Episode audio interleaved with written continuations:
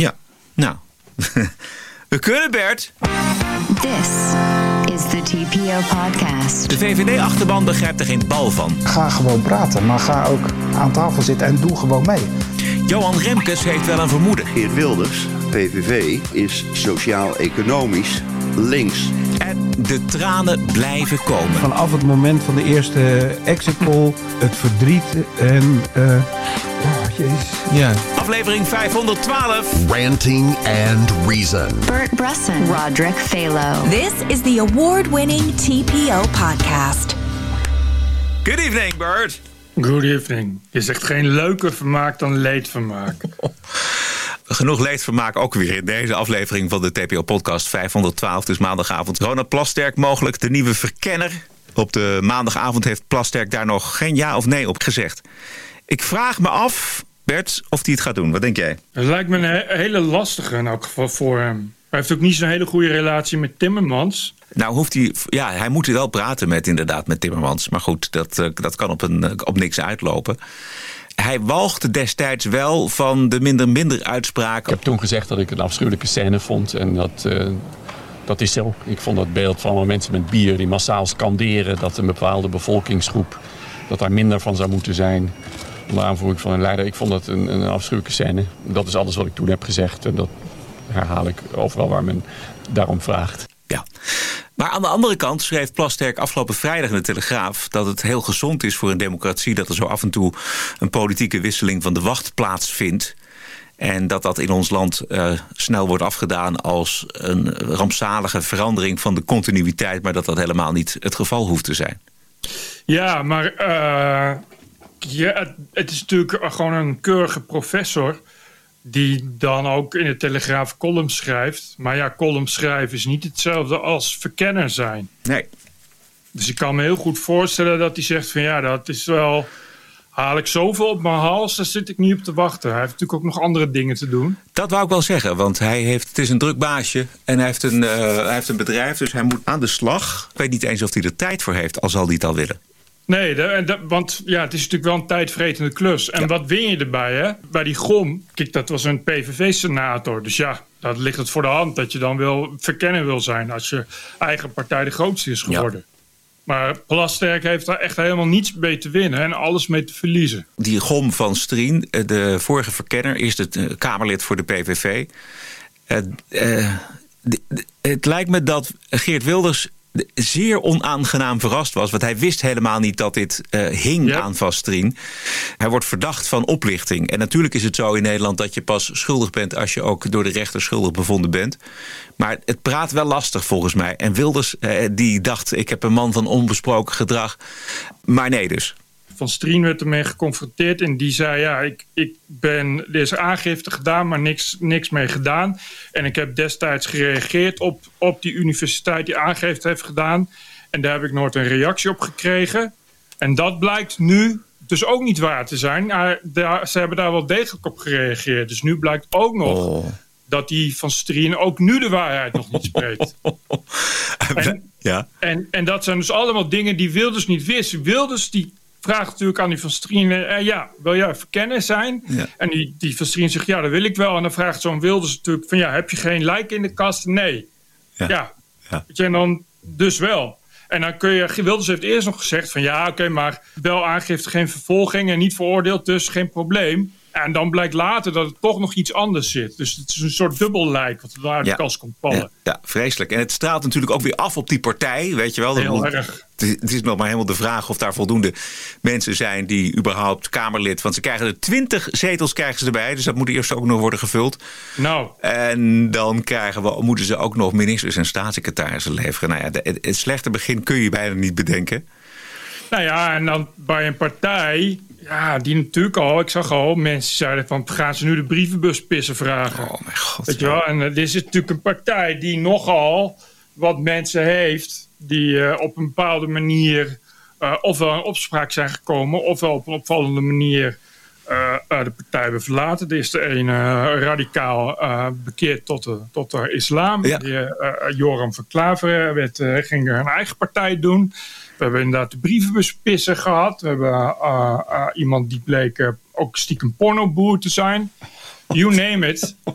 Ja, ik kan me dan wel voorstellen dat mensen zeggen... ja, dat wordt zo op deze manier... wordt het wel steeds minder lekker. En het is niet een goed begin voor de PVV... want zelfs de verkennen die ze aandragen...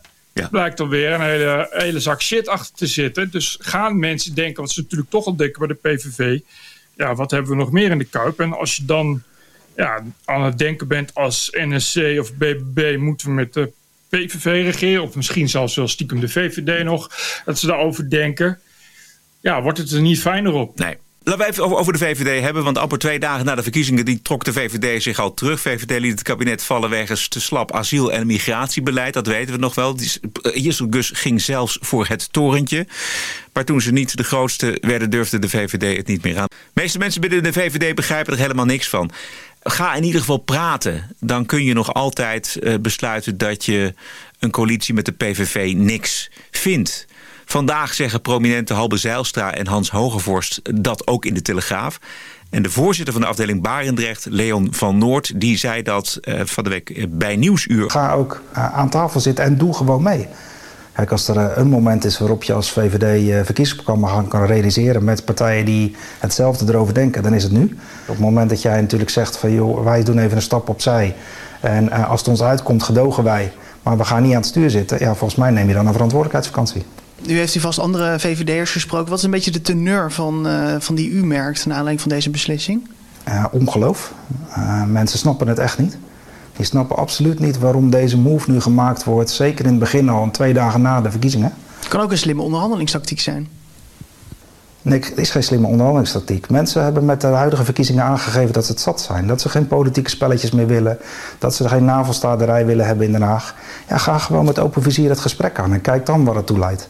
En speel niet spelletjes. Dus als dit al een tactiek is, dan is dit geen handige tactiek. Ja, en Jessel Gus heeft dit ook gezien en gehoord. En ze zat aan tafel bij Marielle Tweebeke.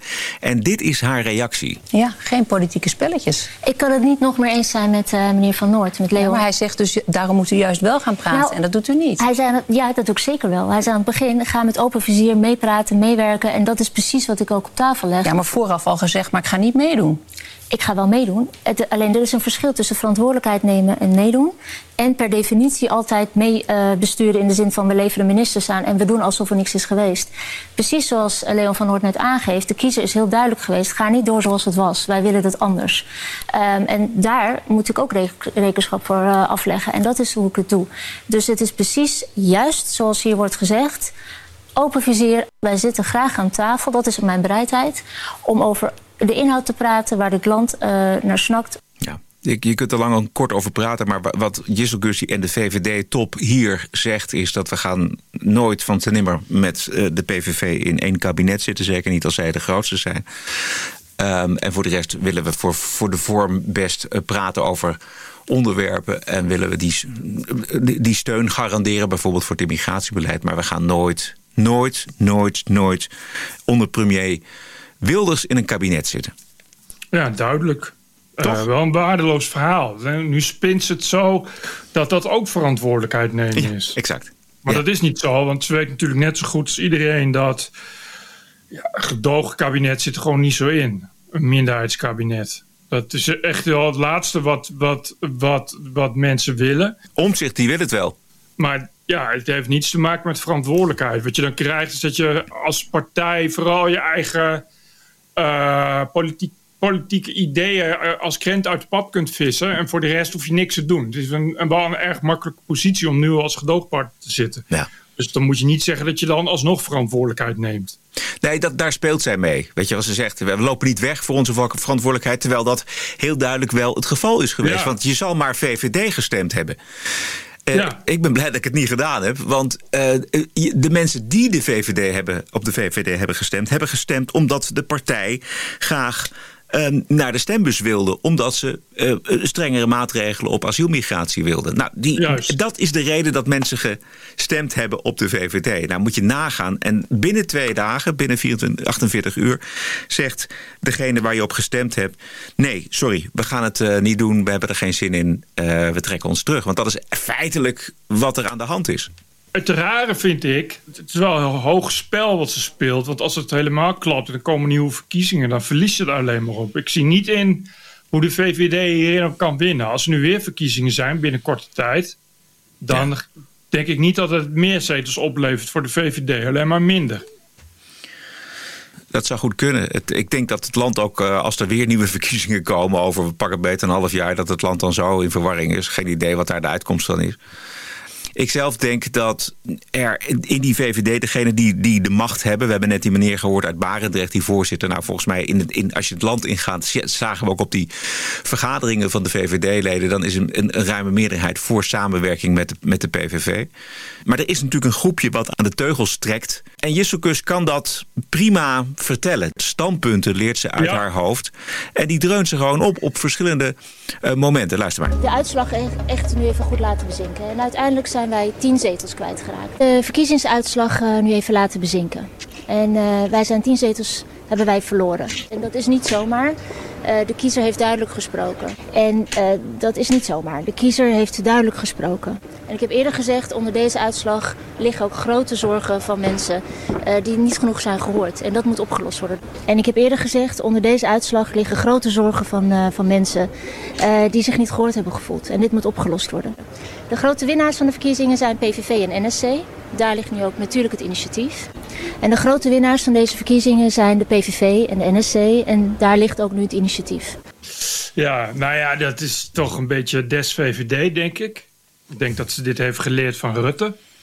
Ja. Het is alleen een beetje onhandig gedaan. Als je dat doet, moet je wel opletten dat je niet uh, daarop gepakt wordt natuurlijk. Dan moet je het wel elke keer net zo draaien. wat Mark Rutte natuurlijk heel goed kan. Dat het net niet op elkaar lijkt. Ja, ik las een goed interview met Omtzigt in de Volkskrant. Uh, zondag online stond het al. Daarin uh, uit Omtzigt zijn verbazing en onbegrip over de houding van de VVD. Hij zegt, ik vind het heel merkwaardig. De VVD heeft in de verkiezingscampagne gewoon aangegeven... dat ze met Wilders willen regeren. En vlak na de verkiezingen zeggen ze ineens dat ze dat niet meer willen. En ze zeggen ook nog eens dat allemaal voor de verkenningsfase dat vind ik op zich ook wel heel uh, raar. Dat je niet eens wacht totdat je... Dan heb je wel heel veel haast, Bert. Ja, de complottheorie is nu dat uh, Mark Rutte het touwtje in handen heeft. En die wil graag baas van de NAVO worden. En die kan dat nu niet, helemaal niet gebruiken. En dat daarom Jisselgus okay. uh, zegt van ik wil niet met de PVV. Omdat ja, de PVV in een kabinet met de VVD is natuurlijk uh, het straalt natuurlijk af op buitenlands beleid. Dus ook positie van Rutte. Ja. Dus misschien een beetje ver gezocht. Maar het zou goed kunnen dat als het niet Rutte is, dan nog. Ja, er zijn een hoop belangen die, die natuurlijk daarin meespelen. En er zijn natuurlijk een hoop actoren die nu al zeggen van tegen, tegen, tegen Gus en de VVD... Ja, als jullie met Rutte of met Wilders in een kabinet gaan zitten... gaan jullie het wel merken. Ja, dus dat kan ook nog meespelen. Dat zij om die belangen denkt. Ik weet niet welke belangen dat dan moeten zijn. Ja, ja dat, dat, dat zou kunnen. Overigens moeten we ons ook steeds realiseren dat Wilders, dat kabinet, mocht het er ooit komen, dat niet in zijn eentje bestuurt. Want daar zitten zeker een aantal, aantal partijen eh, bij, zeker twee. Maar goed, het kan een angst zijn bij Rutte, zeker. Uh, wat ik zelf heel raar vond en wat, wat Omtzigt ook zegt in dat interview in de Volkskrant... dat um, tijdens de campagne toen de VVD ongeveer 27 zetels had... Eh, de, de partij aspiratie had om de premier te leveren. Per se ook in dat kabinet wilde zitten. Ook die samenwerking met de PVV niet uitsloot. Ja. En feitelijk hebben ze maar drie zetels minder gehaald. En nu is opeens alles 180 graden gedraaid. Ja, en nu zegt ze ja, nee, de kiezer heeft ons afgestraft. Want ja, ja, precies. Dat was, dat was, toch al zo? Ja. Het is toch geen. Ja, het is ook niet dat ze net, net als D66 op twee zetels staan of zo. Weet je, dit, dit, natuurlijk, natuurlijk is het aantal zetels uh, gedaald, maar dat was te verwachten omdat je een kabinetscrisis had. Uh, en het was al, al, al bekend dat ze, dat ze inderdaad zouden inleveren. Ja. Dat is natuurlijk ook raar dat de VVD het kabinet laat vallen op migratie. En dat er nu de kans is, ook voor al die VVD-stemmers, om iets te doen aan die migratie. Een, een, andere kans is er niet. Dit is de kans en dat ze het dan laten voorbij gaan. Dat is, uh, nou ja, dat is idioot vond een mooi interview met deze omzicht. Uh, er zat nog wel een staartje aan, want degene die het geschreven had, Natalie Wrighton, die werd uiterst zuur op de vingers getikt door een PVDA-wethouder te Amsterdam, Marjolein Moorman. Wrighton stelde namelijk de vraag aan Omtzigt: waarom denkt u dat centrumrechtse partijen hebben gewonnen en het linkse blok juist gekrompen is? En daarop reageerde Moorman met: Hallo Volkskrant, noem je het beestje gewoon bij de naam graag. PVV is een extreem of radicaal rechtse partij. Ja. Door het centrum rechts te noemen, normaliseer je extreem rechts gedachtegoed. Daar gaan we weer. Ja, ja maar goed. Mevrouw Moorman zegt ook dat saneren van de NPO een aanval is op de vrije journalistiek. Oh ja. Dus mevrouw Moorman is niet helemaal goed bij de hoofd, denk ik. Nee, en dit is dan geen aanval op de journalistiek, want ze, ze schrijft dus inderdaad Precies. aan de Volkskrant. Terwijl Wrighton het gewoon natuurlijk ook had over NSC en BBB over dat links-rechts gesproken, waar de, die PVV eigenlijk voor staat. Financieel-economisch is de PVV natuurlijk een hele linkse partij. Daar hebben we het al eerder over gehad. En volgens Johan Remkes speelt dat een rol bij het besluit van de VVD... om niet met Wilders in een kabinet te gaan zitten. Dit is Remkes afgelopen zondag bij WNL. Er wordt gezegd een centrumrechtse coalitie. Dat is maar de vraag. Want de campagne ging wel heel erg over asiel. En dat snap ik ook wel. Maar Geert Wilders, PVV, is wat je kunt noemen sociaal-cultureel rechts. Mhm. Maar is sociaal-economisch links. Ja, dat klopt als een, als een bus. Alleen dan kan Jesse Gus dat toch zeggen. Waarom zegt ze dan iets anders? Ja, exact. Waarom zegt ze dan niet ja, maar uh, met de PVV samen. Dat is in economisch opzicht kan ik net zo goed met de SP of, of PvdA GroenLinks in het kabinet gaan zitten. Ja, precies. Want het is een beetje, ja, weet je, op economisch gebied is dat een beetje hetzelfde. Ja. Het is prima dat je zegt van daar staan we als VVD niet voor, maar zeg dat dan. Eigenlijk is het eigenlijk al begonnen, zit ik me nu net te bedenken, al bij haar vage opmerkingen voor eh, de verkiezingen in de campagne van we willen wel samenwerken met de PVV. Weet je, dat, en daar is zij heel vaak over bevraagd, maar daar kwam niet echt iets uit. Bedoel, mensen gingen interpreteren, nou ja, dan wel niet in een coalitie misschien, maar in ieder geval dan wel uh, als met gedoogsteun van de PVV. Zoiets, dat was zoeken, zoeken, zoeken. Maar terwijl als ze nou had gezegd, ja luister eens eventjes, wij, wij zijn het op het gebied van migratie en asiel zijn wij het ontzettend eens met de PVV. Er moet wat gebeuren, dat gaan we organiseren. Maar... De PVV is aan de andere kant veel te links en veel te onduidelijk over de financiën. Uh, En veel te, veel te duur voor de samenleving. Uh, daar voelen wij helemaal niks voor. Nou, dan heb je het in één keer klaar. En dan ben je duidelijk naar je kiezers toe. Maar uh, die vaagheid is dus al begonnen voor de uitslag. Ja, misschien is het gewoon een, uh, ligt het gewoon aan Jessekus. Nou ja, ze is natuurlijk behendig. Uh, verbaal, zeer behendig. En dacht het hiermee te redden. Maar het ging natuurlijk ook heel, lang, heel goed met de VVD. Ze stonden ook uh, lange tijd op ja, een gedeelde precies. eerste plaats. Dus, uh, maar ja, dit gaat niet goed. Uit de flitspeiling van een vandaag blijkt dat 84% van de VVD-kiezers een kabinet met de PVV prima vindt. 84, dat is 84 wel veel, ja. Overigens zijn de VVD'ers die de draai van de VVD wel goed vinden, deze draai dus. De usual suspects, Ed Nijpels en Annemarie Jorritsma. En ik geloof ja. Klaas Dijkhoff, die ziet het ook allemaal niet als een probleem. En die ziet het eigenlijk helemaal niet zitten dat het uh, VVD in een kabinet Wilders gaat plaatsnemen. Mevrouw Nijpels wil uh, dat VVD over links gaat met Timmermans. Oh ja? Dan weet je, dat zei hij vandaag bij Sven Kokkelman in Sven op 1. Alle andere VVD'ers willen wel met de PVV op deze vier na. Ik vind het zo lastig om te zeggen hoe de VVD hieruit komt. En hoe, hoe er sowieso een coalitie tot stand komt. Maar iedere dag kan iets nieuws zijn. En misschien dat Ronald Plasterk toch nog uh, wonderen gaat verrichten. Ja, als hij het wordt. Als hij het wordt, precies. Als hij Anders ja zegt. wordt het uh, Dries Roelvink, ja. vrees ik. De fameuze talkshow op 1 die had deze week nog een aantal bezorgde uh, burgers uitgenodigd vanwege de uitslag. Gewoon, gewoon gezellig voor de televisie, voor de stemming natuurlijk. Um, nou, ik um, werd wakker donderdagochtend. Ik was heel boos en verdrietig over de verkiezingsuitslag. Um, en toen kwam ik op werk en uh, collega's van mij die waren gewoon in tranen daarover. Omdat uh, uh, zij zich niet vertegenwoordigd voelen hierdoor. En um, ja, toen zag ik uitnodiging voor demonstratie. En ik dacht, ik ga liever me uitspreken en er iets aan doen dan dat ik thuis op de bank blijf zitten. En was het een demonstratie tegen iemand of voor iets? Het was een demonstratie tegen fascisme. Tegen fascisme? Ja. Oké, omdat je vindt dat Wilders fascistisch is? Ja. Ja. Jongen, jongen, jongen. Meneer is het niet met je eens. Nou ja, ik vind het echt bespottelijk, sorry. En, en er is ook een wethouder in Amsterdam die dat, uh, die dat riep. Ik vind het echt, als we het toch over demon, demonisering hebben... dan denk ik dat dit dat is. En we leven in een democratie en dan dit soort woorden gebruiken. Ik vind het dit echt, is ook uh, super gevaarlijk, hè, wat er nu gebeurt. Gevaarlijk. Ja, dit is, uh, het laatste was Paul Slettenhaar. Uh, hij is uh, een van de wat rechtse VVD'ers, zullen we maar zeggen. Ja.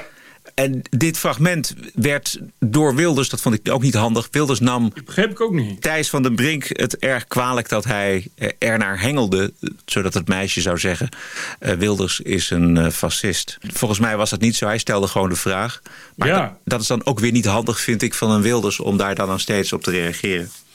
Nee, de Wilders heeft wel meer tweets de afgelopen dagen geplaatst. die misschien niet zo handig zijn. Ja. Wilders doet natuurlijk voor een gedeelte het uh, Trump playbook. Daar horen natuurlijk ophef veroorzakende tweets bij. Misschien ook wel, dus alweer in het vooruitzicht dat er misschien wel weer nieuwe verkiezingen komen ooit. Ja. Het is een niet onafzienbare ja. tijd. Ja. Maar ja, goed, kijk, het, het was natuurlijk het boel die Trump, die, die, kon in zijn eentje regeren. Maar dit, hij heeft gewoon samenwerking nodig. Exact. En, en, dat is sowieso, vind ik, de vraag. Want stel, ook al zou het zo zijn dat er een kabinet komt met de PVV... dan zie ik toch nog ook nog wel een paar grote beren op de weg. Wilders die runt namelijk zijn eigen partij. Ja, dat is een heel groot beer op de weg. Hij, hij is als enige lid en het is een soort eenmanszaak, die PVV. En dus is de vraag, hoe gaat deze man de ministerraad voorzitten? Als premier is hij minister onder gelijken. En een coalitie kun je niet als een eenmanszaak runnen. Dus dat, wordt, dat is een cultuur die, die, helemaal, die wij helemaal niet kent. Precies. Uh, bovendien, ja, ja, het is dus een partij die met twintig nieuwe leden komt. Dat wordt nogal wat. Je kan toch wel bijna de, de LPF-taferelen uittekenen. Ja. Uh, wat dat betreft. En dus inderdaad, ja, geen ledenpartij. Uh, en het is bekend dat het dus inderdaad altijd Wilders is. Het is echt, PVV is Wilders en de rest heeft het maar te slikken. Ja. Maar ja, hoe ga je dan samenwerken? Dat is het precies. En hoe ga je dan als voorzitter van de ministerraad... want dat is de premier natuurlijk wel... hoe ga je dan zo'n vergadering leiden? Want dat is hij natuurlijk helemaal niet gewend. Uiteindelijk, hij, hij zal wel luisteren... maar uiteindelijk neemt hij de beslissingen. En, en welke ministers gaat de PVV aanleveren? Kijk, Fleur Agema, die zie ik het wel doen. Maar minister, staatssecretaris Dion Graus... of, of, minister van Financiën Gom van Strien... Ja. de minister nou ja, van Malversaties. Dit is dus, dus al echt al een probleem. En dat is natuurlijk iets wat, wat ook de VVD al voor zich ziet. Ja, precies. Maar goed, dat is wat anders dan dat je... Kijk, dat is natuurlijk het rare. Is dat het gewoon... Daar zijn toch de verkenningen voor, denk ja, je dan? exact. Dus, dus het is wel een beetje raar om daar nu al te zeggen... ja, nee, ik wil het niet. Als dat de basis is, ja, maar dat, is, dat moet je dan. Dat kom je dan achter in de verkenningen, normaal gesproken. Ja, precies. Er zijn zo ontzettend veel vragen rondom dat snelle afhaken van de VVD. Maar dit is wel een van de aller, aller uh, belangrijkste vragen. Waarom de VVD zoveel haast heeft en niet eens uh, de verkenningsronde afwacht. Want ik neem aan dat een Timmermans ook gewoon uh, bij de verkenner op de thee mag. Zeker. Om te Zeker. vertellen wat hij vindt. Alle partijen. Alle partijen, precies. Ja. En die, bij die PVV gaat het natuurlijk ook ontzettend amateuristisch aan toe af en toe. Weet je wel, bij gebrek aan, aan, aan goede mensen. Ik, heb even een paar voorbeelden gezocht. Maar werd in 2018 voor de Haagse fractie van de PVV... een secretaresse achter haar bureau vandaan getrokken... omdat er gewoon helemaal niemand was. En, en als je dan op dit moment op zoek moet naar 20 nieuwe Kamerleden... die stonden op de, op de, op de lijst. Hij heeft ook een poffertjesbaks uh, heel hoog op de lijst gezet. Ja. Niet, dat er iets mis is met poffertjesbakkers. Maar ja, het zijn niet mensen met politieke ervaring, zal ik maar zeggen. Nee. Je weet dus gewoon helemaal niks van die mensen. En het valt vrezen dat van de 20, van de, wat zijn het, 20? 20 nieuwe mensen, dat daar inderdaad eigenlijk helemaal niets van bekend is. Dat ik, dus een beetje de vraag of er überhaupt een fatsoenlijk onderzoek naar is gedaan. Ik las dat een, een scheidend PVV-kamerlid wel eens heeft geroepen... de PVV is een boom zonder wortels. Ja, klinkt als wat je verwacht bij de PVV eigenlijk. Ja, klinkt ook als, als, als omvallen. Als, dat, uh, als, je, als iemand daar Juist. gaat lopen schudden... of je uit evenwicht raken als dat in een coalitie moet werken. Ja, het is, het is er nog lang niet. Het is er nog lang niet. En dan hebben we ook nog Harm Beertema... Ja. Dus dan zul je zien dat als Wilders in een kabinet zit, dat Harm Beert maar dan weer een boekje open doet over de PVV. Ja. Met alle gevolgen van dien. Dat soort dingen gaat de PVV enorm achtervolgen de komende jaren. Ja, en dan kun je wel denken dat je dan maar niet in het kabinet wil met de PVV. Kijk, eh, dat, dat BBB het wel ziet zitten, die wil gewoon aan de slag, denk ik. Ik denk dat omzicht te formeel is en te procedureel ook vooral... dat hij niet meteen afhaakt. Maar ik vraag me af of hij er heel veel fiducie in heeft. En uh, de rest van de partijen die willen sowieso niet met Wilders. Nou ja, kleine, kleine rechtse partijen. Maar ja, dat, FVD. Zijn, ja. dat zijn er maar twee of zo. Ja. Groot verdriet was er ook bij eh, de campagne-tijgers van BKB. De doorgewinterde Alex Klusman die zat achter de microfoon van de podcast Campaign Daily. En de uitslag, hij trok het niet meer. Vanaf het moment van de eerste exit poll, um, het verdriet en... Uh... Oh, jezus. Ja. Ja, dat komt even binnen, dat begrijp ik ook. Uh, het verdriet en de angst in de ogen van uh, jonge mensen om ons heen. Ja, dat zagen we natuurlijk in, in Tivoli direct ja. gebeuren al toen die exit poll binnenkwam. En, en... Ja man, we zien, we zien het daar vanaf, vanaf eergisteren bij ons op kantoor. Ja. Er zijn gewoon mensen bang. Ja, ik ken die Alex Klusman. Oké. Okay. En dat is van de drie, want die BKB stond voor uh, Klusman, Boor en Van Brugge. Ja. Van Brugge, of, uh, ja, Van Brugge is inmiddels overleden. Ja. Dat was een, en dat was een, echt een PvdA-tijger. En Klusman was altijd toch wel de meest realistische en liberale. Die kon het ook altijd wel met mij vinden, dat zegt genoeg. Ik was natuurlijk niet, niet uh, een groot fan van BKB, om het mild uit te drukken. Ja. Uh, terwijl hij dat altijd wel prachtig vond. En, uh, dus ik verbaas me wel een beetje dat hij daar zo in zit. Maar het is wel altijd een gevoelige jongen geweest. Dat okay. kan weer wel. Ja, waarom zou je lachen om iemand anders verdriet? Dat is ook helemaal niet de bedoeling. Maar dat ja, je, maar ja, maar het is een verkiezingsuitslag. Ja, exact man. Dat je daar dan zo van streek van bent. Dat de zero-generatie dat daar van streek van is. Ja, die hebben zo weinig meegemaakt. Dus dat kan me voorstellen. Weet je, die leven alleen maar in... Uh, als het weer al verkeerd staat, dan uh, hebben ze al een Precies. probleem met, met een gevoel van veiligheid. Maar dat zo'n... Uh, campagnetijger als deze klusman uh, dit niet trekt. Nou, ik vind, ik, heb, ik kan aan heel veel mensen uh, hun gevoelens meegaan. Maar ik vind bij een verkiezingsuitslag gaan huilen. Vind ik, nee. kan ik, niet, ik nee. kan me daar gewoon niet in verplaatsen. Sorry. Dan denk ik van ja, weet je, wat, wat, wat, hoe denk je dat al die mensen die nu PVV stemmen zich keer op keer hebben gevoeld als D66 de grootste ja. wordt? Of de, of de PVV-stemmers in Amsterdam als weer GroenLinks de grootste wordt in de gemeenteraad. Ja. Die zie je dan toch ook niet staan huilen? Weet je, het is, het is, ja, ik snap dat het kut is. Ik snap dat je... Maar ja, het is, verkiezingen is de ene keer denk je leuk en de andere keer denk je jammer. Ja.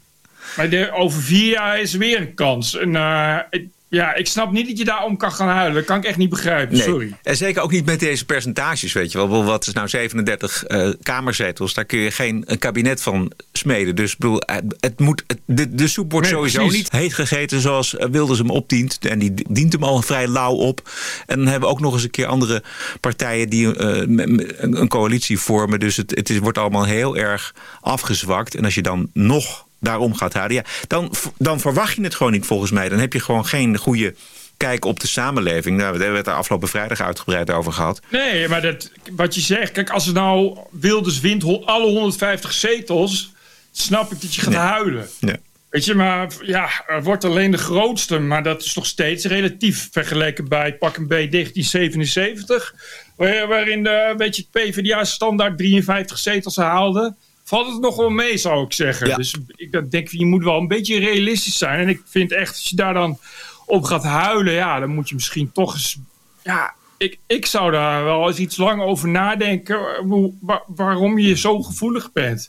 Als je daarom gaat huilen, dan, dan lijkt me dat het leven je wel heel regelmatig je aan het huilen maakt. Er zijn natuurlijk erg, veel ergere dingen in het leven dan een verkiezingsuitslag, ja, lijkt mij. Ja.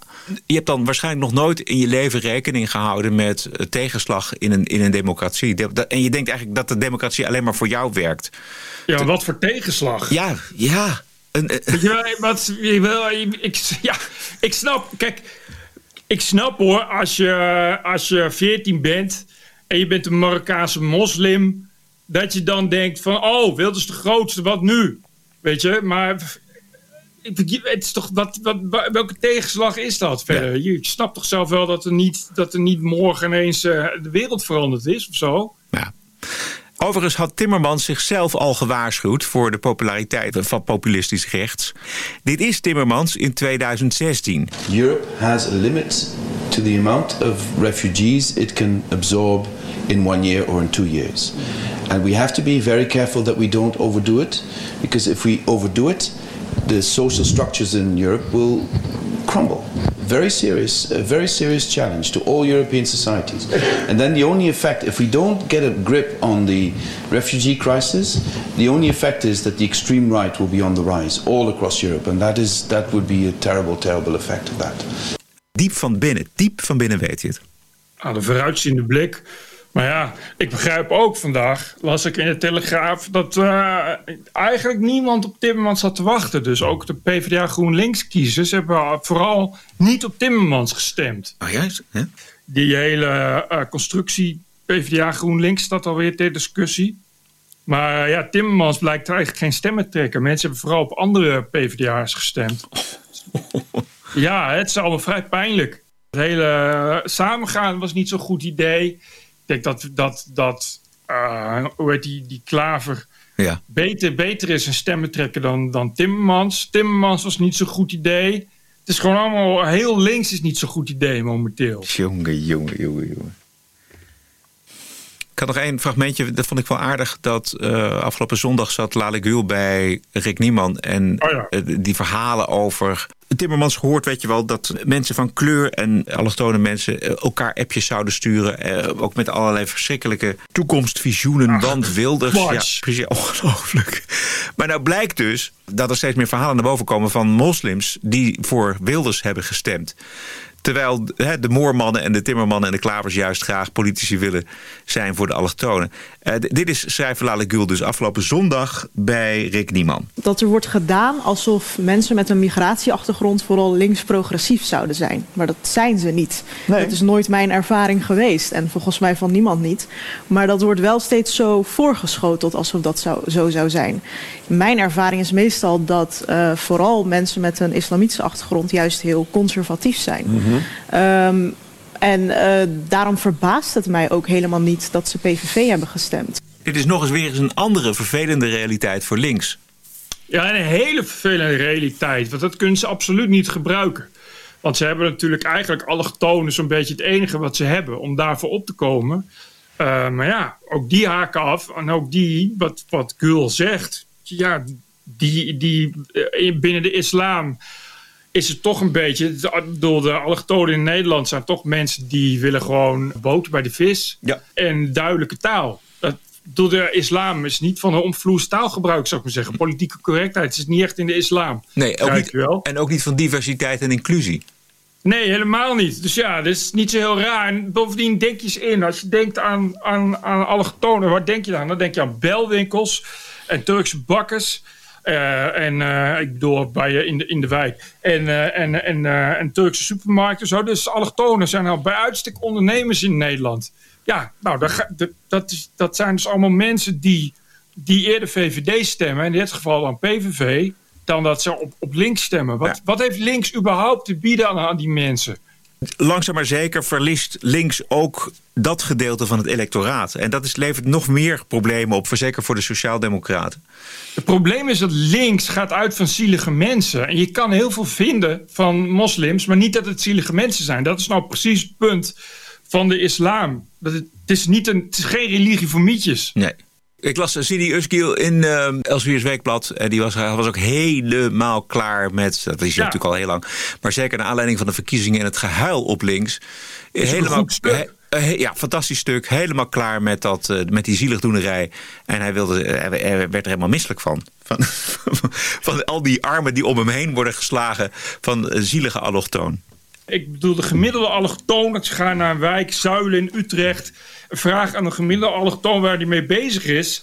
Ja, dan is het niet klimaat of, of mensenrechten of een van de andere stokpaardjes op links. Nee. Dus, dus zijn de verkiezingen, waar, ja, waarom zou je niet veel stemmen? Die mensen die hebben daar ook, die zijn ja, denk ik al wel eh, allemaal al cynisch genoeg om door Wilders heen te kijken. Dus die zeggen van, ach ja, dat hoor ik ze ook zeggen, dat lees je ook. Dat ze allemaal zeggen, ja, maar ja, we hebben een Nederlands paspoort en is een grondwet. Weet je, dus, dus en dan krijg je links die zeggen dan ja, maar je moet niet vergeten dat Wilders in het verleden allemaal kwetsende dingen heeft gezegd. Ja, ik denk toch dat de gemiddelde Marokkaan en Turk in Nederland heel weinig op heeft met wat iemand zegt. Die hebben niet zoveel met de toon. Die toon dat ze allemaal worst zijn. Dus die zeggen ja, het zal wel. Maar ja, ik wil iets waar, waar ik nu wat aan heb. Ja. Wat nog meer? Asielzoekers. Ja. In Den Haag worden die plotseling in een uh, vier-sterren-hotel... in het, in het NH-hotel in Kijkduin gesplitst. Oh, ja. eh, in de, de bewoners in de maag gesplitst. Omdat er eh, met spoed extra plaatsen nodig zijn. Eh er zijn heel veel mensen in Kijkduin... waar dan 2500 mensen wonen... nog niet echt over te spreken, om het zacht te zeggen. En dat begrijp ik wel. En dan zie ik op Twitter... GroenLinks mensen die dan zeggen... ja, maar die mensen zijn racist. Want als er blanke mensen komen... die waar geld aan te verdienen valt, hoor je ze niet. En nu zijn het mensen met een andere huidskleur... Ja. waar een hotel geld aan kan verdienen... en dat mag het ineens niet. Eh, Dat begrijp ik gewoon, dat je dat, je dat niet snapt. dat je niet anders kan zeggen dan... mensen in Kijkduin zijn racist. Alsof al die tijd, al die jaren... je alle problemen met asielzoekers die er zijn die gewoon aantoonbaar er zijn. Zeker de asielzoekers die net binnenkomen, waar dan, daar dan kansloze eh, eh, veilige tussen zitten. Alsof je dat allemaal kan negeren.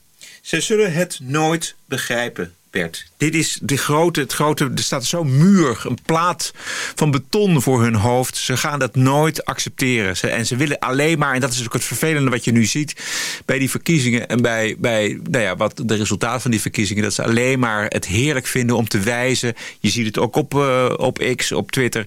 eh, wijzen, vandaag ook weer een verschrikkelijke column van eh Sander Schimmelpenning in de Volkskrant. Alleen Ja. maar lekker wijzen naar mensen die fout zijn. Ja, die VVD in Den Haag, die is woest. Die, die, die vrouw die, eh, van de VVD, die daar de VVD-fractie leidt, zit in de hoogste boom terecht. En, las ik net, nu wil het COA eh, en, en, en staatssecretaris Erik van den Burg, die weer beter is na zijn voedselvergiftiging, wil nu 45 gemeentes die te weinig tot nu toe hebben gedaan aan de opvang van asielzoekers, eh, opbellen en ze min of meer dwingen asielzoekers in de maas te splitsen. Ja, dat is Dus- nou, precies. En dat is ook nog eens een keer zoiets.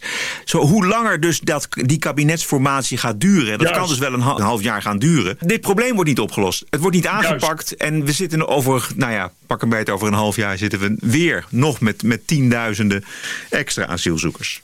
Ja, en in al die gemeenten wonen er nul mensen die zitten te wachten op asielzoekers. Anders hadden ze ze wel opgevangen. Want die mensen op Twitter die zeggen dat iedereen die tegen asielzoekers is een racist is, wonen zelf niet in die gemeente of die wonen in een gemeente waar de asielzoekers al zijn opgevangen. Het is toch ongelooflijk treurig dat eh, een, er een kabinet naar huis gaat vanwege dit probleem waar we het nu over hebben. Juist. En dat het eh, de verkiezingen, dat er eh, maar één item echt belangrijk wordt gevonden bij alle partijen op een enkeling na. En dat dat dus na de verkiezingen niet wordt opgelost. Omdat toch weer partijen ja, toch weer voor zichzelf gaan. Het is diep treurig en gevaarlijk bovendien. Want zo eh, krijg je nog meer mensen die afhaken en die denken van weet je wat, die democratie, het amahula, het zal wel. Naast de TPO-podcast op dinsdag zijn we er ook op vrijdag. Langer, uitgebreider en met leuke extra's, zoals de legendarische Wookweek. This cancel culture is gonna end, end, end. Dat is nou een goed begin van je weekend. Alle vrijdagshows erbij voor nog geen 4 euro per maand. En je ondersteunt ons. Reclamevrij en 100% onafhankelijke opheldering over het nieuws en de nieuwsmedia. Keep the show running. Word vrijdag abonnee en ga naar tpopodcast.nl. Thank you. Volgens mij hebben we nog maar 100 petjes af te gaan, Bert. En dan zitten we op ons eerste doel 3000 abonnees. Ja, dus 100 mensen moeten zich melden. Jongens, kom op. Dat, dat moet lukken. Dat moet lukken. 100 nog maar. En dan hebben we ons eerste doel. En dan zijn we hartstikke trots. Trots op jullie, trots op onszelf. En trots op de TPO-podcast. Zo is dat. Zo is dat. Goed. Wij zijn eh, terug dus aanstaande vrijdag. Word lid van die vrijdagclub, dan eh, spreken we elkaar. En je kunt lid worden. Ga naar tpopodcast.nl. Daar wijst de weg zich vanzelf. Heel veel dank alvast. Ik zou zeggen, stay cool. Dat is vrijdag. TPO Podcast. Bert Brussen, Roderick Balo. Ranting and Reason.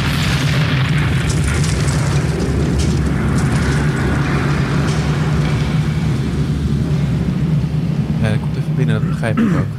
Podcasting is the TPO podcast in the Netherlands. Bert and Roderick. What a show. I'm telling you. Keep the show running. Go to tpo.nl slash podcast. Thank you.